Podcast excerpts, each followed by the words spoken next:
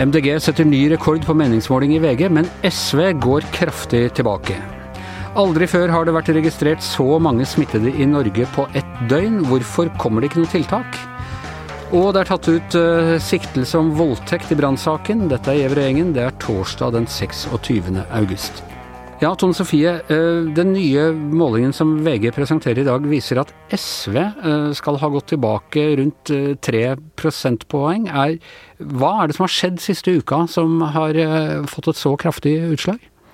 Nei, jeg tror nok det her er et utslag for det vi kaller en feilmåling. Det er jo aldri sånn at en meningsmåling er feil som sådan. Man får nå de svarene man får, men at det her har gitt et sånt skjevt utfall. For det er i hvert fall ingen andre målinger jeg har sett som viser noe annet enn at SV ligger betydelig høyere. Og det vi i hvert fall ser på bakgrunnstallene, er at Arbeiderpartiet har tatt mange velgere fra SV og ligger kanskje unaturlig høyt. Så jeg tror nok da, den kjedelige forklaringa er at, uh, at, det er eh, noe i målinga som har skjedd. Men det som kan glede deg, Anders, er at det er en utrolig stor eh, overgang mellom de rød-grønne partiene, mellom MDG, mellom Rødt, mellom SV og det dels også Arbeiderpartiet. Så det er et skikkelig sånn bikkjeslagsmål om de samme velgerne vi nå kommer til å se.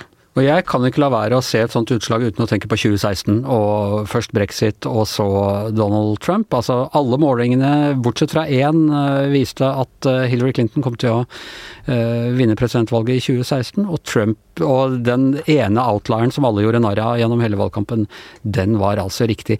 Det er ikke noen akkurat eksakt vitenskap, dette, disse meningsmålingene? Nei, det er overhodet ikke noe eksakt vitenskap. Og derfor skal vi jo være veldig varsomme med det at vi slår veldig fast eh, enkeltmålinger. Men så er det hvert sånn når jeg jobber med målinger, så er det jo ikke sånn at jeg sitter og stirrer blindt på VG sin måling. Jeg snakker jo mye med eh, andre byråer og de som sitter med mye mer oversikt over bakgrunnstall enn det jeg har. Og det som ofte kan liksom få varsellampa til å blinke for oss, det er jo hvis du ser sånn påfallende fall i lojalitet, eller at uh, du ser velgervandringer som er vanskelig å forklare. Da. Så det, det, er jo en del sånne ting som, uh, som gjør, gjør, deg litt sånn uh, Men nå ser vi at det er utrolig mye målinger. Det er ganske stort sprik i bakgrunnstallene eh, mellom de ulike målingene. Og det viser også at det fortsatt er veldig mange velgere som er på vandring. Men nettopp dette du nå nevnte innledningsvis, altså du har en pool her av eh, velgere på venstresida som kanskje ikke helt har bestemt seg for om det skal være SV eller Rødt eller MDG, som driver og eh, fintuner litt eh, inn mot valgdagen. Tror du det er sånn, eller eh, er det andre ting som har, eh, har spilt inn? Nei, det er ikke noe tvil om at den store momentumet i norsk politikk nå foregår på venstresida. Du har klimasaken som har gjort at MDG får sin aller beste måling i år på, hos oss, da, i respons. Eh, og så ser du en litt sånn radikalisering av velgerne, som jeg kaller det, som gjør at både SV og Rødt uh, gjør det veldig godt. Og det vi ser av bakgrunnstallene, at det, det, vandrer veldig mye velgere mellom de her partiene. Og det som er liksom faresignalet for de, er at både MDG og Rødt har veldig mange velgere som ikke stemte sist. Det er litt sånn alarm-alarm for et parti, for det betyr at mange kan falle ifra på valgdagen. Det er jo litt derfor du ser at MDG er litt sånn smådesperat nå og sendte f.eks. ut SMS-er til uh, veldig, veldig mange, deriblant meg. Ja, ja, du ja, òg fikk. Ja. Det er veldig bra at du understreket at det var de unge som ja, hadde fått det. Ja, jeg var litt sånn småirritert, for de vekte meg fra en sånn uh, ettermiddagsdupp. Men uh, når jeg fikk høre at det var de unge de sendte til, så tilga jeg dem litt, da. Alle unge mennesker må ha en liten ettermiddagsdupp for å, for å komme gjennom dagen. Absolutt. Men det andre interessante med, med den her rød-grønne mobiliseringa er jo at det ser man i alle vesteuropeiske land, at de partiene til venstre for sosialdemokratiet de gjør det nesten alltid svakere ved valg enn på målinger. De har nok litt den effekten at folk kommer i valglokalet og strammer seg litt opp og nei, det var kanskje litt tryggere med Arbeiderpartiet eller noe annet eh, lell. Og så er det det som er liksom den store skrekken på rød-grønn side, at du får den der rød-grønne kannibalismen. At, de, at det kanskje liksom SV eksempel ser ikke sånn ut på vår måling, men at de spiser alle, slik at noen kan havne under sperregrensa, og at du samla sett mister mange mandater eller styrke, da. Men du, på noen målinger nå, og nå har ikke jeg regna det på vår, så er faktisk SV og Rødt på størrelse med Arbeiderpartiet til og med større. Ja, og det er jo det som har vært interessante, for uh, i flere år nå så har jo vi snakka som at det er Senterpartiet som er nøkkelen til uh, uh, valgseier for Støre. Og nå ser vi at det, med det veldig overraskende fallet til Senterpartiet sist uke, som ble, også ble bekrefta nå, så ser vi at, at de har omtrent like mange mandater med SV Rødt og MDG. Så det, er en veldig sånn ny situasjon som jeg, jeg tror nok ikke at, at det her er helt uh, drømmesituasjonen til Støre inn mot valget.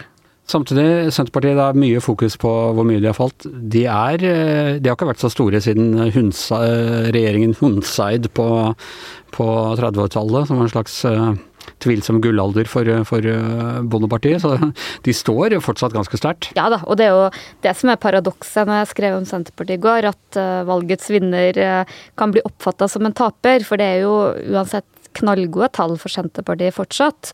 Men jeg tror nok at de har nok skrudd forventningene veldig høyt. Og så er jo det som jeg tror alle er spent på, hva skjer når man først havner i den der eh, litt sånn negative spiralen når det er, eh, går nedover rett før valget, så kan man det fort balle litt på seg. Samtidig så har de jo bygd seg veldig opp eh, i hele landet og kan kanskje ha et litt sånn, at det er litt gulvet, da, at de har et sterkere fundament. Ja.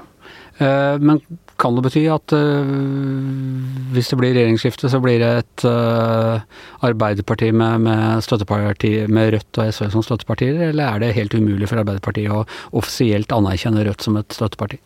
Ja, det tror jeg er ganske så umulig, både med MDG og Rødt Eh, i hvert fall sånn inn i regjering. med MDG i Oslo, f.eks. Ja, men jeg, jeg, tror at det er veldig stor forskjell på å, gjøre det i en kommune eller en storby og gjøre det nasjonalt. F.eks.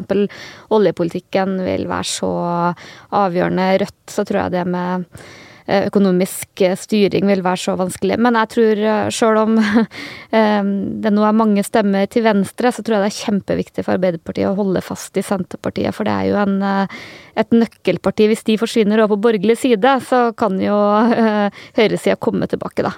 Men nå er det jo flere målinger som viser både Venstre og KrF over sperregrensen kan man, kan man, få en situasjon hvor liksom Senterpartiet sier at de er, de er, ikke store nok og sterke nok til at de vil gå inn i regjering med Arbeiderpartiet. Arbeiderpartiet vil ikke lene seg på Rødt eh, og MDG, og så får du en mindretallsregjering med eh, Erna Solberg og, og de to eh, borgerlige småpartiene? Jeg vet ikke om jeg skal begynne å spå verken det ene eller det andre, men at denne utviklinga har gitt en helt annen dynamikk og en mye større hodepine for i hvert fall for venstresida, er jo helt åpenbart. Så, så, det som også er interessant, er jo at høyresida har jo kanskje tatt, tatt igjen litt av forspranget sitt da, med det, forspranget til de rød-grønne, unnskyld, med det at Senterpartiet har gått såpass tilbake. Eh, Venstre og KrF ser vi i flere målinger kanskje kan komme over denne sperregrensa, mens Høyre sliter med å virkelig få muskler. Men når vi snakker om rød-grønn kannibalisme, så sliter de også litt med det samme på høyresida. For det som går litt mer under radaren for oss, er at demokratene tar ganske mange velgere fra både Høyre og ikke minst fra Frp. da. Ser vi også det industripartiet, som er en litt sånn uh, nykobling som vi ikke har hørt så veldig mye om, tar også en del av de borgerlige velgerne. Så de sliter litt med det samme på høyresida. Kan demokratene få representanter på Stortinget? Jeg tviler veldig sterkt på det, og det er fordi eh, velgerne deres er så spredt. Og det aller beste fylket deres er Agder, som er et lite fylke med få mandater. Men hadde, ja, hadde demokratene hatt uh, sin sterkeste kandidat i f.eks. Akershus så, Eller Viken, som vi kaller det. Ja, men på stortingsvalg så heter det fortsatt Akershus, som er mange mandater og kanskje litt med kjerneområde så kunne de kanskje ha gjort det, og, eller prøvd liksom å forske litt på hva er det med demokratene, for de, de, går jo veldig under radaren. Men uh, jeg gikk f.eks. inn på både Resett og Sørlandsnyhetene i går. Der lå de på topp. Uh, så de uh, er nok en underskog der i disse alternative mediene, om vi kan kalle det Og de er også veldig aktive i ulike nettverk, kommenterer veldig mye. Så, så det er en ganske sånn interessant understrøm i norsk politikk, syns jeg. Hodepine for politikerne, gøy for oss, såpass ærlig må vi være. Ja. Tusen takk skal du ha, Tone Sofie. Ja, eh, Astrid Mæland. Eh, de siste dagene eh, når jeg går til jobben, så går jeg forbi teststasjoner med køer som går flere kvartaler nedover. Eh, på videregående hvor sønnen min går, så er det nå massetesting i skolegården hver morgen. Det er mange, mange unge syke, og i siste døgnet så ble det altså registrert flere smittede i løpet av et døgn enn det har vært gjort noen gang tidligere. Eh, og jeg må si, jeg har da eh, en nær meg som uh, ung mann som er syk, og han er ordentlig syk, altså, selv om han selvfølgelig ikke er innlagt eller noe sånt. Har myndighetene bare liksom sluppet opp og skal innføre flokkimmunitet, eller hva er det som skjer? Nei, det er jo en veldig venta bølge, da. Eh, vi har jo skrevet om det her helt siden i sommer, at det kommer til å komme en høstbølge. Og det har vel egentlig helsemyndighetene vært klar over òg. Men jeg må jo si det at eh, Folkehelseinstituttet har undervurdert den veldig. da. De sa jo i en kronikk i VG i sommer at det kom til å bli 2000-3000 smitta per uke, trodde de nå. Og nå har vi jo, hva du sa Anders, 1300 i går, så det blir jo fort litt mer uh, denne uka her enn det de trodde. da. Og jeg tror kanskje at Eh, det er litt sånn som vi snakka om her om dagen, at det er ikke alle kommuner og skoler som er helt forberedt på det her. Det er ganske mye styr eh, for i hvert fall veldig mange lesere som skriver til meg og forteller hvor forskjellig praksis det er på forskjellige skoler, og foreldre som ikke helt vet om de skal hurtigteste, om de skal være hjemme, om det skal være karantene, og ganske mye usikkerhet om lærere som må bli smitta, og mye styr på skolene. Men i Bergen f.eks. så innførte de nye ganske strenge tiltak da smittenivået var mindre enn det det er i Oslo nå? Ja, det tror jeg du er rett i, og det er jo òg et godt spørsmål. Jeg tror de sa jo det i Bergen da de gjorde det for noen uker siden, at det var fordi at de eh, mista kapasiteten til å tiske alt sammen. Det altså da å ringe rundt, teste, smittespore, isolere, og da eh, ble de redde. Eh, så er det kan hende at Oslo har litt høyere kapasitet på smittesporinga. Jeg syns å huske at jeg har hørt eh, at Oslo kan tåle et par tusen smitta og mer enn det i uka, da, før eh, det begynner å, røyne på.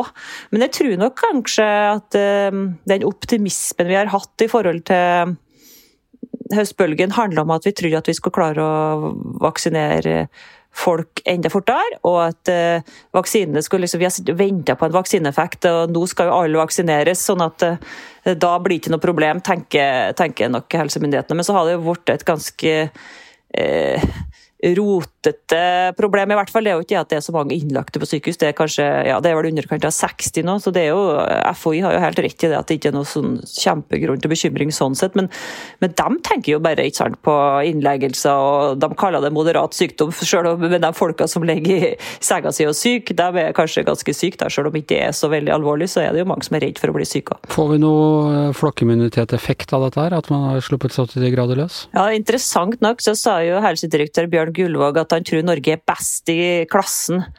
Eh, eller verden her. Han sa i går i et intervju med NTB at eh, i høst så kan Norge nå det vippepunktet, nå flokkimmunitet. Eh, men det tror jeg egentlig ikke at vi, vi gjør med vaksiner, i hvert fall. For at det, det der deltaviruset det er så smittsomt. Og vaksinene de er jo ikke 100 og det er jo ikke alle som vil ta det. Selv om det er 90 kanskje prosent da, som vil ta det i Norge, så heller ikke det for å nå flokkimmunitet med vaksiner. Så da må rett og slett folk blir smitta. Og det kommer de jo til å bli, og det blir de jo i superfart her nå. Og hvor mye verre skal det bli før det blir bedre? Det et godt spørsmål.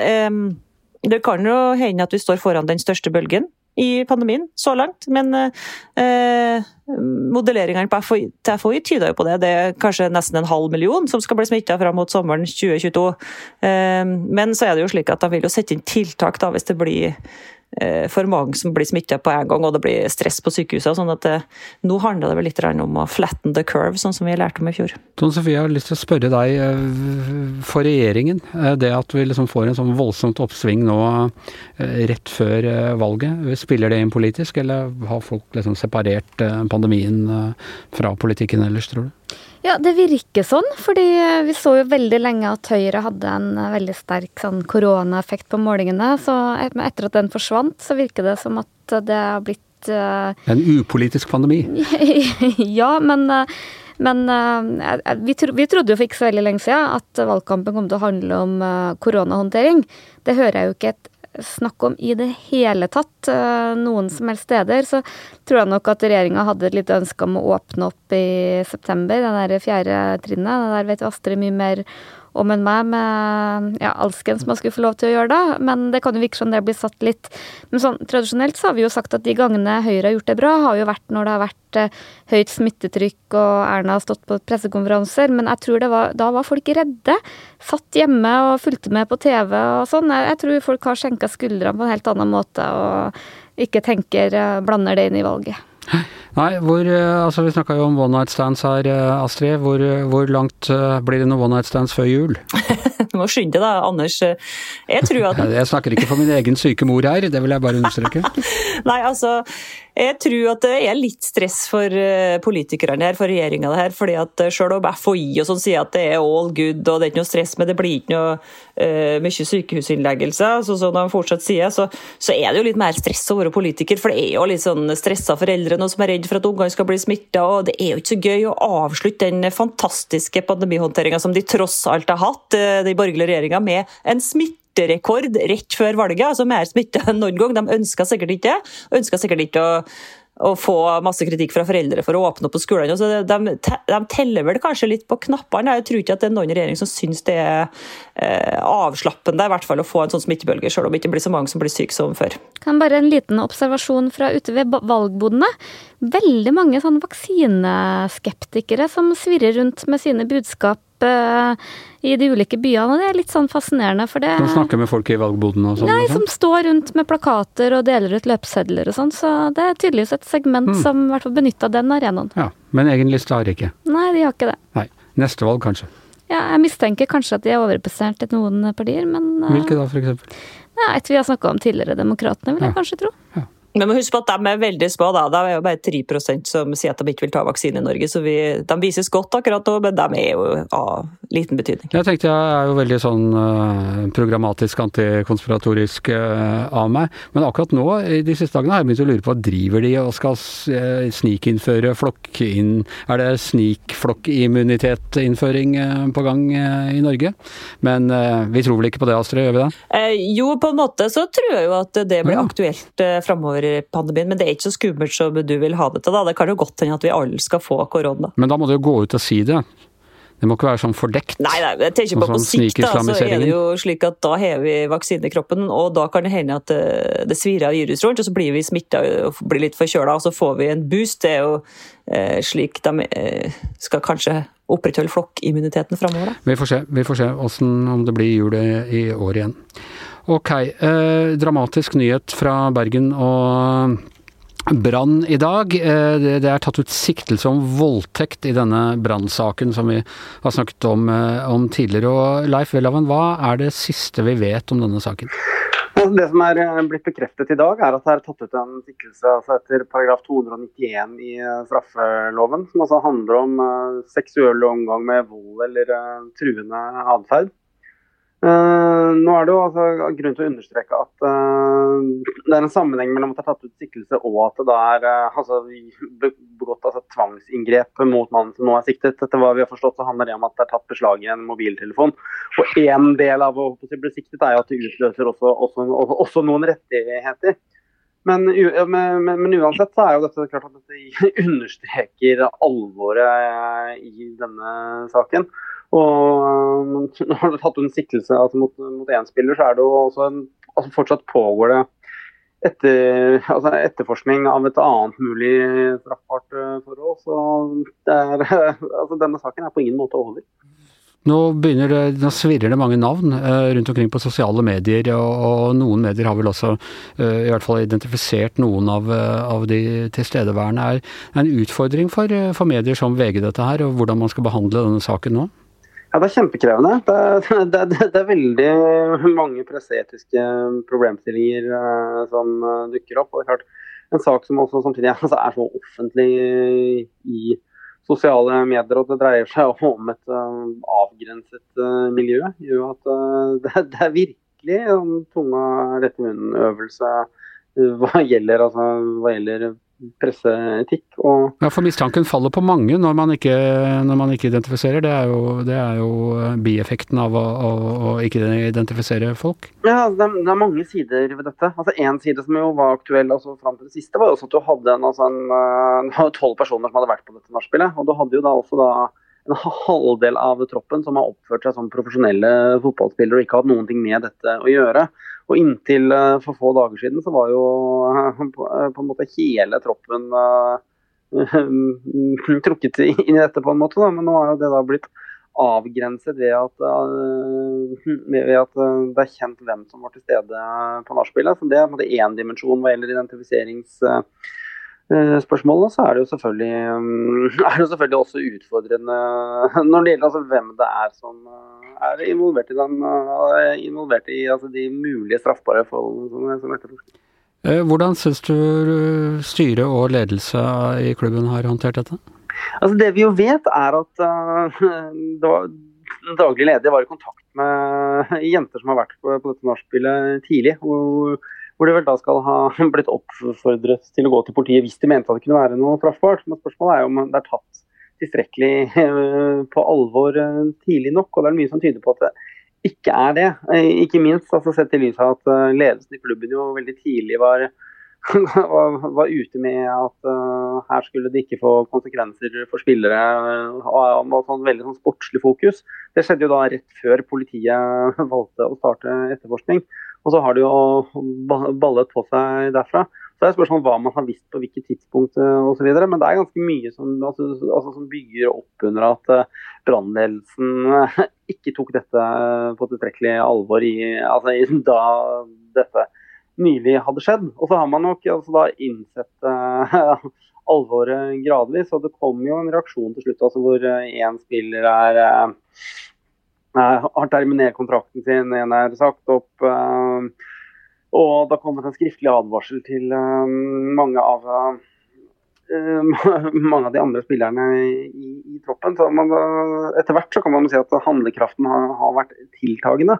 Men det vi jo må huske på er at vi snakker veldig mye om Brann og veldig lite om de, altså de jentene som uh, har vært der. Og uansett om dette ender med en, uh, en fellende dom eller ikke, eller, eller, henlagt, eller, eller, hva som måtte skje, så er det altså jenter som er, åpenbart har hatt veldig ubehagelige opplevelser, som må stå i en fryktelig tøff situasjon som dette innebærer. og og Det er en altså, side av saken som vi må ta på det ytterste alvor, uavhengig av hva som skjer strafferettslig framover.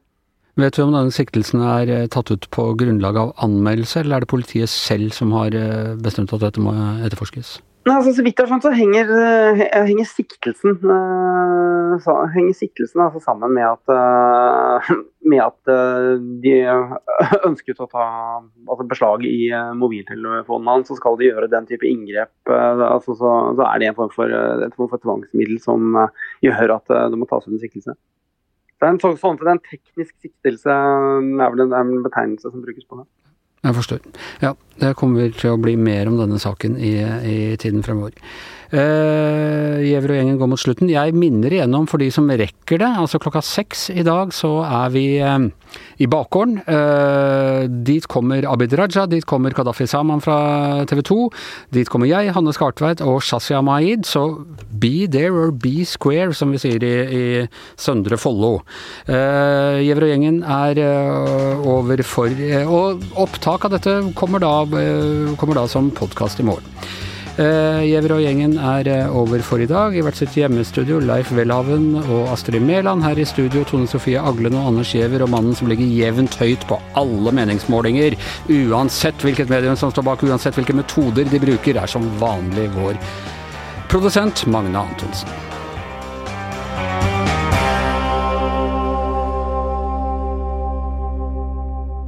Du har hørt en podkast fra VG.